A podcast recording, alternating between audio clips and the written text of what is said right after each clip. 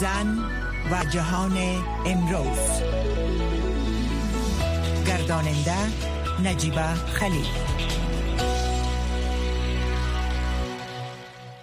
شنوندگان محترم خواهران عزیز سلام.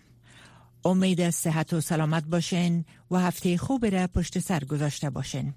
نجیبه خلیل هستم.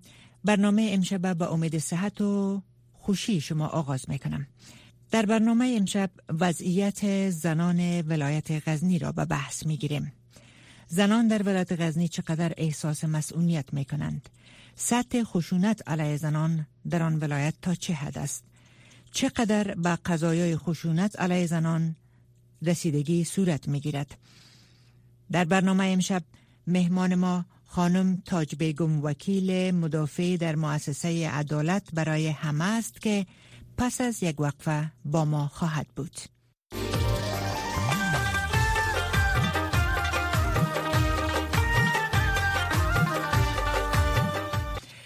تاج بیگم جان محترم وکیل مدافع در مؤسسه عدالت برای همه. سلام به شما خوش آمدین به برنامه جهان زن برنامه خودتان. سلام علیکم خدمت شما. خوشحال هستم که در خدمت شما قرار دارم. بسیار تشکر. لطف کردین اول لطفا تاج بیگم جان بفرمایید بگوین که در مورد فعالیت هایتان یک مقدار صحبت کنین که چی می‌کنین. اول چی مدت است که به این وظیفه گماشته شدین و فعالیت هایتان از چی قرار است؟ ما در حدود این انقریب پنج سال میشه پا و پنج سال گذاشتیم که ما در غزنی به حیث وکیل مدافع در دفتر عدالت برای همش البته شعبه غزنی. و مخصوصا نامش اگرچه کلا دفتر ما همی اسم در عدالت برای همش ما شعبه غزنی دفتر رهنمای خانواده کار می‌کنیم. و فعالیت های ما در غزنی در چهار بخش خلاصه میشه. یکی مساعدت های حقوقی هستند مساعدت های حقوقی کم کم تشریح می‌کنم روی موارد. مساعدت های حقوقی شامل وکالت دفاع از متضررین قضیه خشونت و همچنان دعواهای فامیلی و کسایی که دعوای میراث داشته باشند در بخش خانما و همچنان در بخش اطفال ما کم کار می‌کنیم. البته زیر سن 18 سال کار می‌کنیم. ولی زیادتر فعالیت ما روی قضای خانم ها تمرکز داره بله. که از بخش به حساب در بخش جزایی که شامل خشونت میشه از مرحله کشف اگر ما را وکیل بگیرن و زیادترش در مرحله تحقیق می‌گیره در مرحله کشف شروع تا محکمه استناف به خاطر که ساحه فعالیت ما تنها غزنی است محکمه استناف در محکمه استناف غزنی خلاصه میشه. و در جریان یعنی زمانی که ما در مراحل تحقیق و یا کشف قرار داریم همواره تا زمانی که پروسیجر محاکماتی تعیین میشه و تا زمانی که محکمه دایر میشه جلسه قضایی دایر میشه ما همواره همراه مکلین خود در مشوره هستیم. اونا بر از مشوره میدیم و زمانی که اونا در مشکلات برمیخورم رای ما مطرح می‌کنه. رای حل کوشش می‌کنیم که یک رای حل مناسب نسبت به مو موضوع پیدا کنیم. اما فعالیت دومی ما که هستن این یک بخش میشه به نحو ما بگویم وقایوی. آگاهی آگاهی دهی بر مردم هستند که این آگاهی دهی از طریق سمینارها و از طریق برنامه های رادیویی در سطح غزنی برگزار میشه برای کل در آن برای کل مردم هستن. بر مردم برای خانم ها برای چی متعلمین است برای محصلین است و ما کوشش می‌کنیم که به حساب بر مردم از حقوق خانم ها حقوق حقیقی از برای مردم بفهمانیم که اینمی به حساب اینمی حق خانم هاست و یعنی حق شما هستن و یعنی اینا باید در نظر گرفته شوه یعنی میگن که وقایه بهتر از درمان است. تا بله. کدام جور واقع نشه؟ درست. فعالیت سوم بخش روان درمانی هستن بخش روان درمانی که به حساب این خانم هایی که اکثرا متضرر میشه اینا زیادتر صدمه روحی و روانی می‌بینه. و در این بخش ما کوشش می‌کنیم که خانمایی که واقعا نیازمند باشه و یا اطفال هایی که نیازمند باشه این اینا را در او بخشی که در بخش روانشناس خود معرفی کنیم. اونا چندین ما البته دقیق معلومات ندارم که چند بار جلسه می‌گیره ولی به طور دوامدار امرای اینا جلسه برگزار می‌کنه در دفتر می‌خواه. باز اینا را کوشش می‌کنه که همی از همین مشکلاتشون کمی کاهش پیدا کنه. بخشی چهارمی فعالیت های ما خلاصه میشه به سوشال سرویس هسته یعنی قضایایی هستن که قابل ادغام و میانجیگری را داشته باشه. و ما زیادتر غذایی که خیلی داغ نباشه خیلی حاد نباشه مثلا در حد مهر باشه در حد نفقه باشه و یا غذایی که خیلی خشونت به سطح اندک باشه چون اگر مثلا غذای خشونت خیلی به سطح اندک باشه اگر ما خیلی دوام بیاریم بیتیم قضیه یا مثلا خیلی محاکم رسیدگی کنه به او. اگر یک آدم یک دو ماه به زندان هم بره یک ماه مثلا یک دشنا میگه به زندان بره پس اینمی آدم که از زندان می‌بره انی زندگی از مشارزه خانوادگی نو از هم میپاشه. به جای که خوب شه بدتر میشه. و ما کوشش می‌کنیم که اگر خود خانم این توقع داشته باشه و خود خانم به تعهد شوهر خود که بیت رضایت داشته باشه و اونمو را قناعت داشته باشه باز ما چی می‌کنیم؟ این قضایه را کارمند اجتماعی ما در مرحله اول مصالحه بین از اینا صورت می‌گیره و بعد ادغام می‌کنه اینا را. درست. ادغام می‌کنه و یا قضایی هستن مثلا که نیاز به ادغامی چی رقم بگویم قضایی که قرار منزلی یعنی مصالحه مثلا در قضای فامیلی میشه زیادتر ولی ادغام نحوش کمی جدی تر هستن که مثلا قضایی که از فامیل فرار می‌کنه از ظلم بوده جبر بوده. و اگر خیلی نمی جبر و مشکلشان زیاد نبوده باشه باز ما کوشش می‌کنیم که بین از اینا ادغام سازی صورت بگیرد البته از طریق کارمند اجتماعی ما بله. و در اونمو مرحله باز دنبال هم می‌کنیم درست. درست. در حدود یک سال ما تعقیب می‌کنیم و اگر این میانجیگری ما که نتیجه مثبت نداشته باشه و باز ببینیم که این آدم تحت فشار قرار داره روحی روانی و یا تهدید میشه باز ما چی داریم؟ دادخواهی می‌کنیم. خب دادخواهی یک وکیل دیگه هستن که تازه به حساب دهی سفید فعالیت آغاز کرده. قضیه را بر ایز میسپاریم و اگر در سطح افغانستان امکان داشت امکان که دادخواهی ما زیادتر اگر نداشته تا در سطح بین الملل می‌تونه دادخواهی بکنه. بسیار الله تشکر. نوع فعالیت هایی که ما انجام میدیم. بسیار الله تشکر. موفق باشین. البته بسیار جامعی و ساحه فعالیت هایتان و موفقیتان ما اینا یک چند سوال دارم. بیشتر توجه خودم معطوف میداریم سر می بخش اول که مسائل حقوقی است. دفاع از قضیه خشونت گفتین و دعوای دعوای فامیلی و دعوای میراثی گپا. اول به چی تعداد فکر می‌کنین خانم ها جرأت امیر می‌کنن که اینا مورد خشونت که قرار می‌گیرن یا حق تلفی میشه در حقشان به چی تعدادشان فکر می‌کنین که واقعا جرأت می‌کنن بیاین به شما مراجعه کنن. و چی تعداد از فکر می‌کنین که از ترس خانم ممکن خانم های باشن که بترسن از خانواده های خود و مراجعه نکنن و می که سرشان می امیر تحمل کنن. ایتراس که یعنی اگر آدم می واقعیت قضیه را که فعلا ما در غزنی در طول چهار سال یا پنج سال که ما فعالیت می‌کنم ما مواجه شدیم. ما بیش یعنی 20 درصد خانم های تحت, تحت خشونت در غزنی قرار می‌گیره. شاید بتانه مراجعه کنه. چرا؟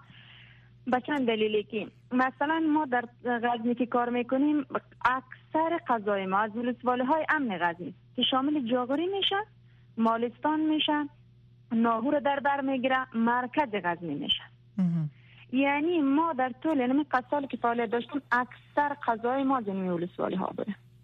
غذای مثلا از یک و مثلا از امیول ساله های دیگه غزنی که نهاند گیلان و خوبیانی و یعنی قضایا.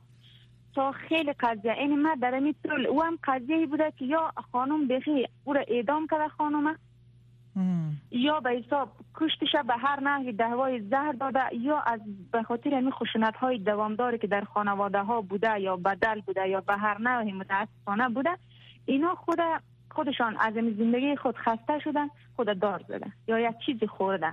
به هر نوع یعنی خشونت ها بالا تاثیر کردن. اینی در طول مدت ما کمتر قضایی را از دیگه ولسواله های غزنی دیدیم به یوز مثل ولسواله ها خود مرکز غزنی. که اینا آمده باشه که کوب باشه. اکثرشان قضایی هستن که خیلی حاد هستن این خیلی حاد هستن به خاطر است که من اینمی 20 درصد در نظر می‌گیرم. به خاطر اینمی جایا تحت کنترل دولت نیستن. طالبا حاکمیت دارن و, و هر خانومی که مراجعه در عدلی و قضایی بکنن مثلا ما مواردهایی را که در بخش فامیلی شاهد هستیم که خانم هفت سال میشه طلاق خود گرفته اما شوهرش میگه نه طلاق از طرف محکمه باشه قبول ندارم. سر محکمه را این در هفت سال میشه تای کرده که قبلا تای کرده هفت سال از زمون میگذره. اینا به حساب نتانستن که شوهر دیگه بکنن شوهر قبلیش تهدید می‌کنن بیش از 50 بار برای همین خانم که ما حتی را در بخش دادخواهی خودم گرفتیم. این آدم شوهرش نمیمونه شوهر کنه پیش طالبا میره و حتی در مراحل مثلا چندین سال پیش خانم های طالبا را شلاق یعنی خانم جرأتی از زیر نمی‌کنه که از خانه برای ولو تحت هر فشار خشونت گفت منم قدر فشار خشونت یعنی بالا میره که اینا دست به خودکشی می‌زنه. اما جرأتی از زیر از ولسواله های ناامن نمی‌کنه که به مرکز بیاید یا به حساب در همون اگر مرکز یا یا کدام حوزه پلیسی در اونجا باشن که برن شکایت خود بکنه کمتر از قرباغ هم داریم. خیلی کم موضوعات هستن که از قرباغ داریم چون از قرباغ یک مقدارش تحت تسلط طالبات که جرأت کردن نمی‌کنه ولی ما مقدار کمش که میمانم ساحه کمش که میمانه بعضی وقتا داریم که اما کم داریم. به این نحوه به نظر ما و شما مگر جستجو کرده باشین ایرا ما که نظر سنجی کنیم 20 درصد خانم الا که اما به حقوقشان دسترسی پیدا می‌کنه و در این اولسواله های امن. وقتی که قضای خانم ها میاد اکثرشان خو شاید اونجا حل و فصل شود اگر خانم لدم بخورد دشنام هم داده شود توهین هم شود به حساب حق حقوقشان برآورده هم نشه. به خاطر نام پدر نام بد نشه به خاطر دورگان های دولتی رافته نشاید ننگ و آر بدانه برای خود به همین خاطر امونجا مستفیدا قضیه حل فضل می‌کنه. ای که حق خانم تلف میشه خیر است. مقصد ای که مستفیدا باید گپش بچلن نه متنفذین بله. قومی متاسفانه هزار متاسفانه.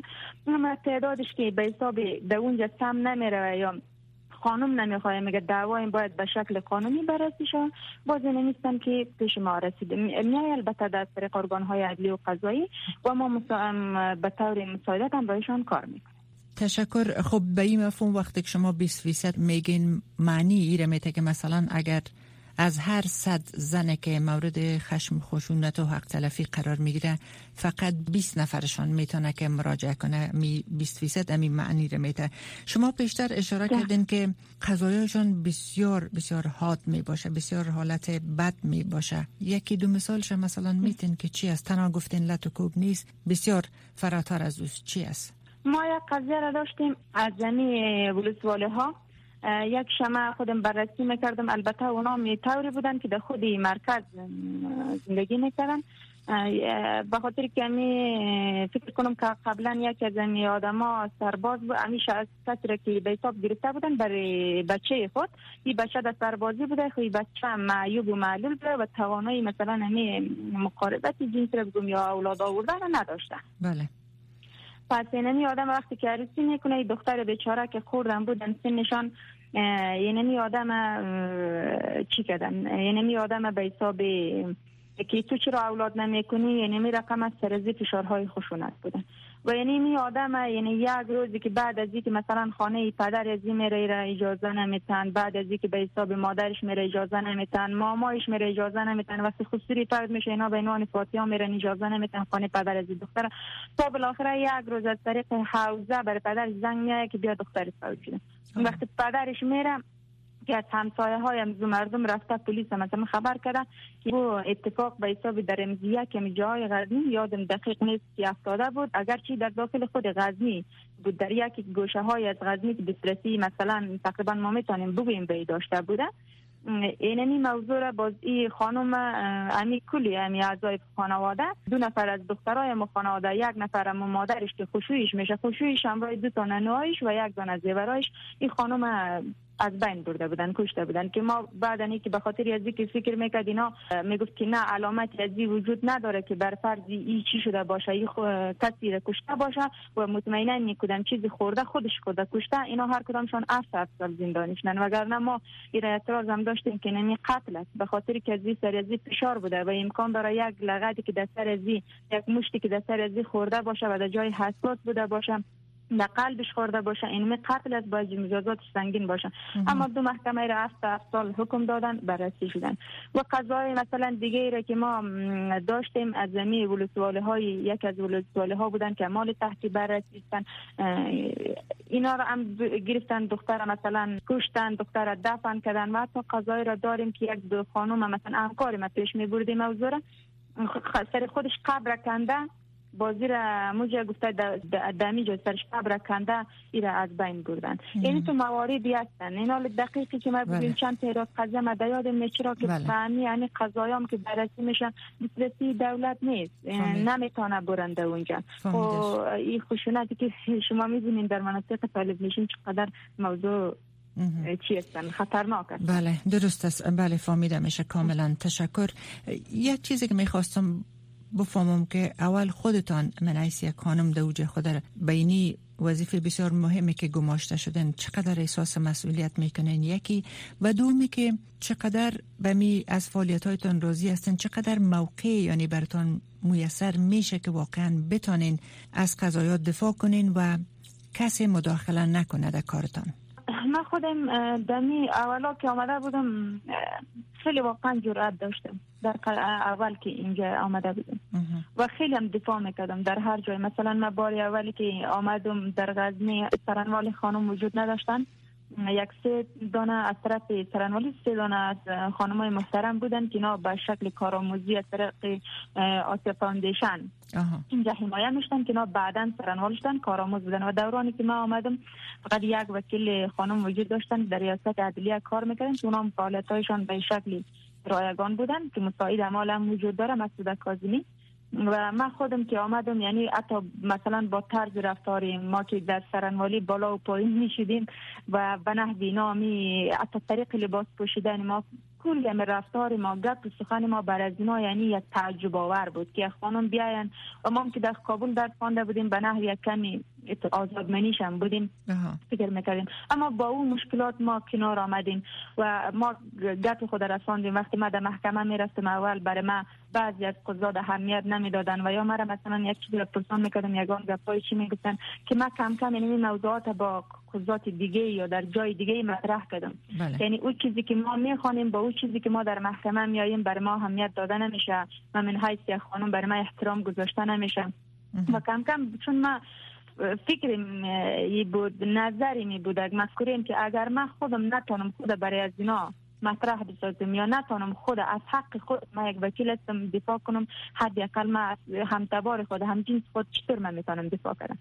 از کم کم اینا وقتی که گپ در رسیدن از او به شدن که خیلی امرایم روی صحیح می‌کنه و مسئولیت ما چند چیز است که ما بگیم که واقعا ما تهدید شدیم تا هنوز ما کسی تهدید نکردن. در جلسات محاکم در جلسات محاکم که میشه یکی طالبا خب با همه مشکل دارن. ایره همه می‌فهمن. خانومی که به حساب بنهری اگر میرن یک فعالیت می‌کنه به خصوص مؤسسه ما مثلا که ما فعالیت می‌کنیم شاید انی که ما برای خانم کار می‌کنیم اینمی یعنی خودش کلان گپ برای طالب باشه. چرا بله. برای خانم کار کنه؟ بله. و تا هنوز ما مثلا کدام لوحه در دفتر خود یا کدام چی نداریم که ما تو مشخص داشته باشیم. به نحوی ما میریم امو خانه, خانه ای که ما به حساب دفتری کرایه گرفتیم به اونجا میریم. با امو تو خیلی هم از اونجا میبرایم خود کنترل می‌کنیم. باش کسی باشه نباشه اطراف ما چی رقم است نیست. ای که بگیم تحت تهدید واقعا ما تهدید کرده باشه نداره. اما ما حراس داریم. واقعا حراس داریم.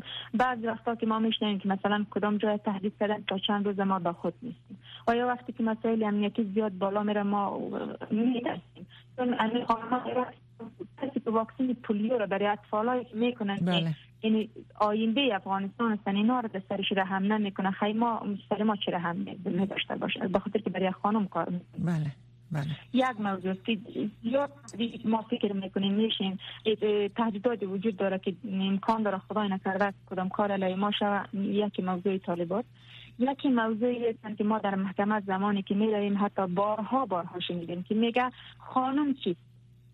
طرف مقابل ما. مثلا اگر کسی دعوای فامیلی داشته باشه از شوهر خوشوش میگه اگر موضوع میراث داشته باشم میگه خانم آمده حق میراث دعوا می‌کنه و کلید شده در موضوعات خشونت هم به همین نحو صدها بار شنیدیم که گپ خانم خانم کجا عقل داره که بتونه مثلا از حق یک بکنه فایش به مفهوم این شنیدیم خب.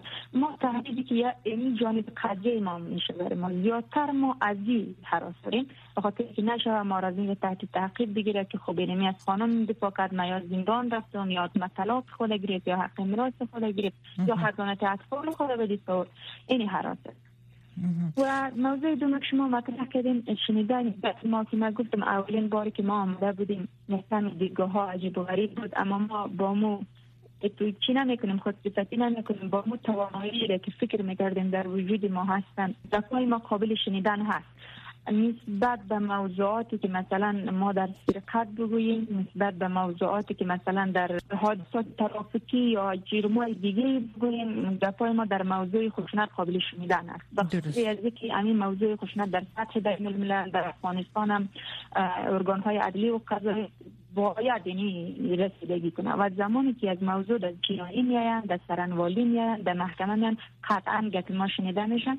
قطعا چیزی که به حق حقوق ما زیادتر از اون می‌خوایم که به مکیل خود ما بخوایم. ما مطابق قانون مطالبه می‌کنیم. بله. در سرنوالی اگر موضوع ما با خود سرنوالی حل نشه با رئیس میشینیم و اگر در در قضات در جلسه قضایی هم میکسن و حتی بعد وقتا قاضی ها میگن که واقعا شما قهرمان هستین. به هر نحوی به خاطر از که در اینمی شرایط در اینمی جمعه این فعالیت می‌کنیم. و حتی بارها شده که قاضی ها به حساب بر من بعد ایشانی را گوشزد کنه که خیلی در جلسه قضایی تون نشون چون که من وقتی که دفاع می‌کنم طبعا تون میشم یکم. میگه تون نشون به خاطر از که شاید از روز اینمی در تو مشکل ساز باشه. بله. جانب مقابل سر تو قدر بگیره. به جایی که سر سرنوال یا قاضی سر خانم خود بود میگه اینمی آدم دفاع کردن از یک چیز دیگر هم تاج بیگم جان می‌خوایم از تان بپرسم که همی معمولا شکایت ها بوده که در هر گوشه و کنار افغانستان و او فرهنگ مافیت بوده. کسایی که این مثل خانواده که مرتکب جرم میشن بازی که وقتی که به قضا و مراجعه می‌کنن و اینا مربوط خانواده های مثلا جنگ سالارا می باشه یا دولت مردم می باشه اوجا معاف میشن. ایت یک چیزی چقدر بوده موجود هست در ولایت غزنی در جایی که شما کار می‌کنین؟ اینجا به نحو زیادتر مثلا کسای جنگ سالار گپا شاید یا مرو برونه شدین یا شاید وجود نداشتن خب. این رقم یک چیز نبوده. اما بله بعضی چیزا کاهلی وجود داره. مثلا ما زول سواله ها از تعدادشان در محکمه در محکمه در جلسات قضایی هم گفتیم که ما مثلا در طول یک ماه دو قضیه اختطاف ما داشت. یکیش منجر به تجاوز گروهی شده بود.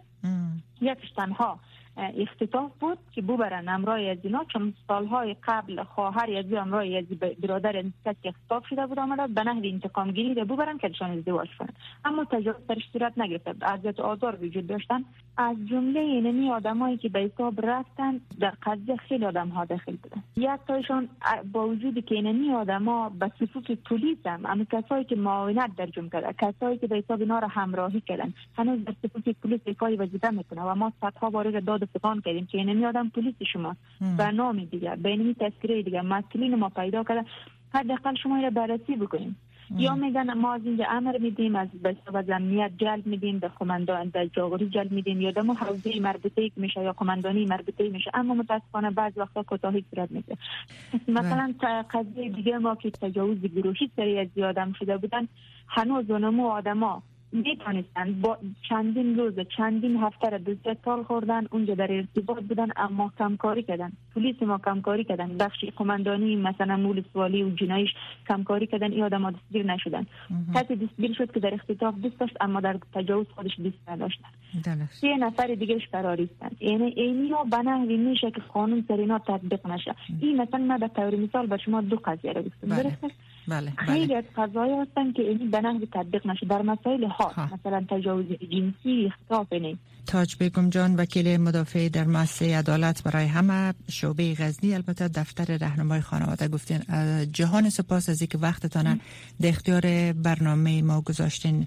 موفقیت بیشترتان آرزو می‌کنم. شب و روزتان بخیر. سلامت باشین. من خیلی سپاسگزار شما هستم که ما را افتخار دادین و این معلومات از ما گرفتین. خیلی خوشحال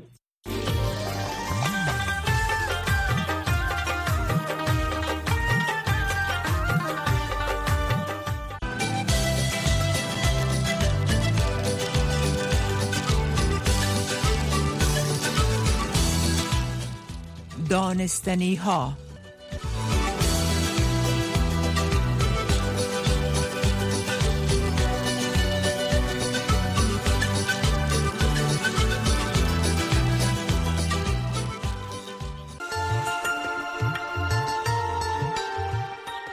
شنوندگان گرامی سلام رویا زمانی هستم با تقدیم ای بخش برنامه آیا شما از درد کمر و پا رنج می‌برین؟